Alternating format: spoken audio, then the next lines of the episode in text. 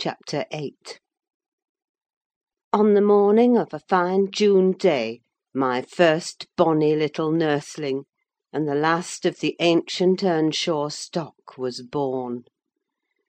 We were busy with the hay in a far away field, when the girl that usually brought our breakfasts came running an hour too soon across the meadow and up the lane, calling me as she ran. "Oh, such a grand bairn!" She panted out. "The finest lad that ever breathed! But the doctor says missis must go: he says she's been in a consumption these many months: I heard him tell Mr. Hindley; and now she has nothing to keep her, and she'll be dead before winter. You must come home directly: you're to nurse it, Nelly, to feed it with sugar and milk, and take care of it day and night. I wish I were you, because it will be all yours when there's no missis." "But is she very ill?" I asked, flinging down my rake and tying my bonnet. "I guess she is, yet she looks bravely," replied the girl; "and she talks as if she thought of living to see it grow a man: she's out of her head for joy, it's such a beauty. If I were her, I'm certain I should not die: I should get better at the bare sight of it, in spite of Kenneth.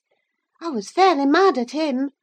Dame Archer brought the cherub down to master in the house, and his face just began to light up, when the old croaker steps forward, and says he, "'And sure it's a blessing your wife has been spared to leave you this son. When she came, I felt convinced we shouldn't keep her long; and now I must tell you the winter will probably finish her. Don't take on, and fret about it too much: it can't be helped. Besides, you should have known better than to choose such a rush of a lass.' "'And what did the master answer?' I inquired. "'I think he swore; but I didn't mind him: I was straining to see the bairn.' And she began again to describe it rapturously. I, as zealous as herself, hurried eagerly home to admire on my part; though I was very sad for Hindley's sake. He had room in his heart only for two idols, his wife and himself: he doted on both, and adored one; and I couldn't conceive how he would bear the loss. When we got to Wuthering Heights, there he stood at the front door; and as I passed in, I asked, "How was the baby?" "Nearly ready to run about, Nell," he replied, putting on a cheerful smile. "And the mistress?" I ventured to inquire. "The doctor says she's—" "Damn the doctor!" he interrupted, reddening. "Frances is quite right: she'll be perfectly well by this time next week. Are you going upstairs? Will you tell her that I'll come if she'll promise not to talk? I left her because she would not hold her tongue, and she must: tell her Mr. Kenneth says she must be quiet." I delivered this message to Mrs. Earnshaw. She seemed in flighty spirits, and replied merrily, "I hardly spoke a word, Ellen, and there he's gone out twice, crying. Well, say I promise I won't speak; but that does not bind me not to laugh at him." Poor soul! till within a week of her death that gay heart never failed her, and her husband persisted doggedly, nay, furiously, in affirming her health improved every day. When Kenneth warned him that his medicines were useless at that stage of the malady, and he needn't put him to further expense by attending her, he retorted, "I know you need not: she's well. She does not want any more attendance from you. She never was in a consumption: it was a fever, and it is gone. Her pulse is as slow as mine now, and her cheek as cool." He told his wife the same story, and she seemed to believe him; but one night, while leaning on his shoulder, in the act of saying she thought she should be able to get up to morrow, a fit of coughing took her: a very slight one.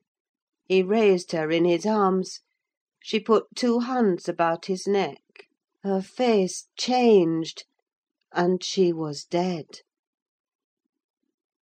As the girl had anticipated, the child Hareton fell wholly into my hands.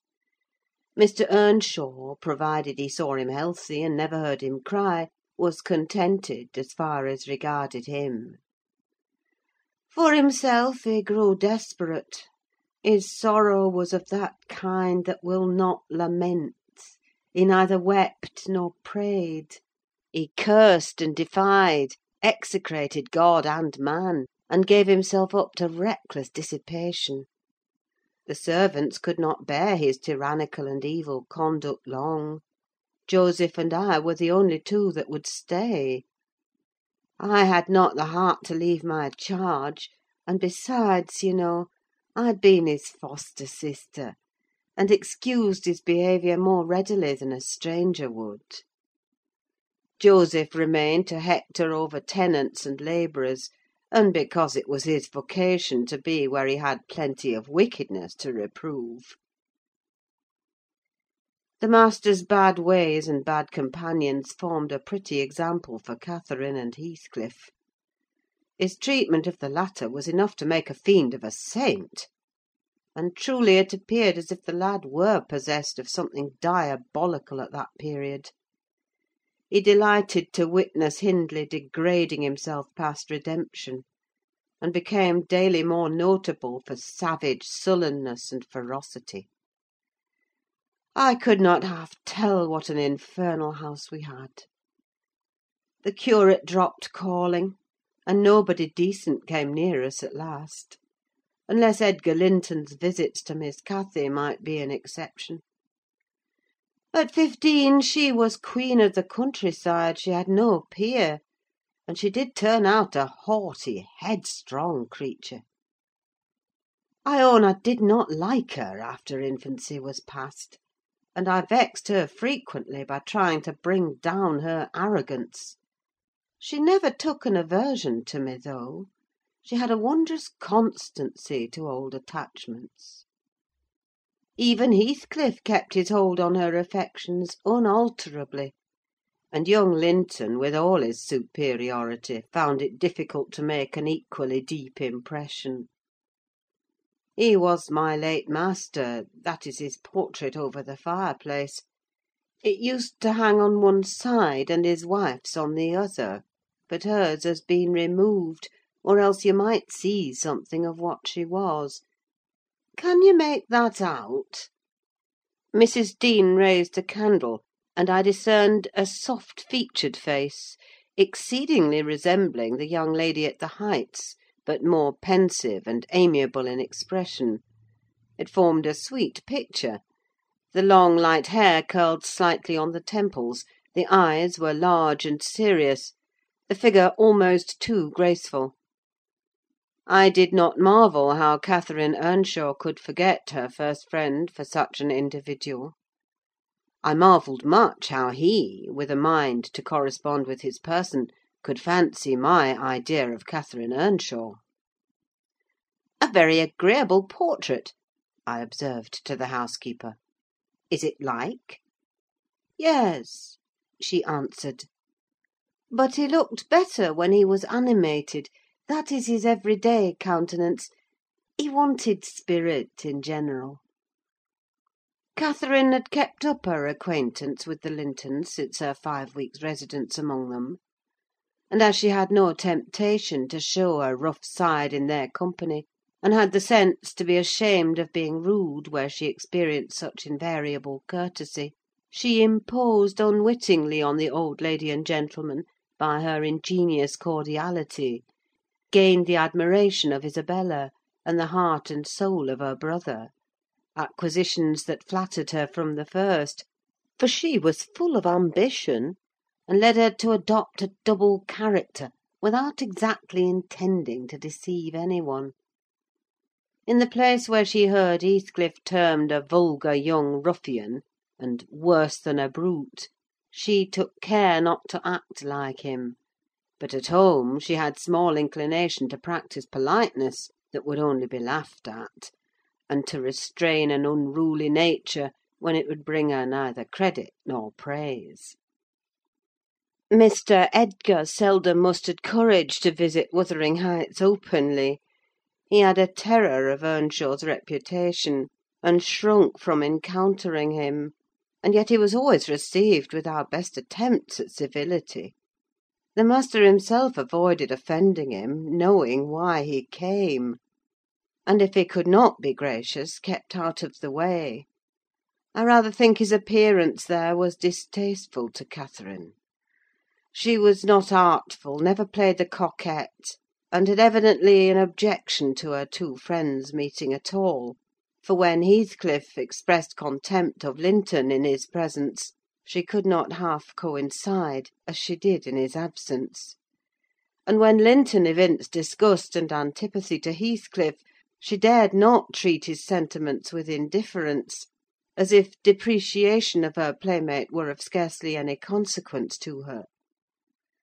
I've had many a laugh at her perplexities and untold troubles, which she vainly strove to hide from my mockery. That sounds ill natured, but she was so proud, it became really impossible to pity her distresses, till she should be chastened into more humility. She did bring herself finally to confess, and to confide in me: there was not a soul else that she might fashion into an adviser. Mr. Hindley had gone from home one afternoon, and Heathcliff presumed to give himself a holiday on the strength of it. He had reached the age of sixteen then, I think; and without having bad features, or being deficient in intellect, he contrived to convey an impression of inward and outward repulsiveness that his present aspect retains no traces of. In the first place, he had by that time lost the benefit of his early education: continual hard work, begun soon and concluded late, had extinguished any curiosity he once possessed in pursuit of knowledge and any love for books or learning. His childhood's sense of superiority, instilled into him by the favours of old Mr. Earnshaw, was faded away. He struggled long to keep up an equality with Catherine in her studies, and yielded with poignant though silent regret. But he yielded completely and there was no prevailing on him to take a step in the way of moving upward, when he found he must necessarily sink beneath his former level. Then personal appearance sympathised with mental deterioration: he acquired a slouching gait and ignoble look; his naturally reserved disposition was exaggerated into an almost idiotic excess of unsociable moroseness; and he took a grim pleasure, apparently, in exciting the aversion rather than the esteem of his few acquaintance.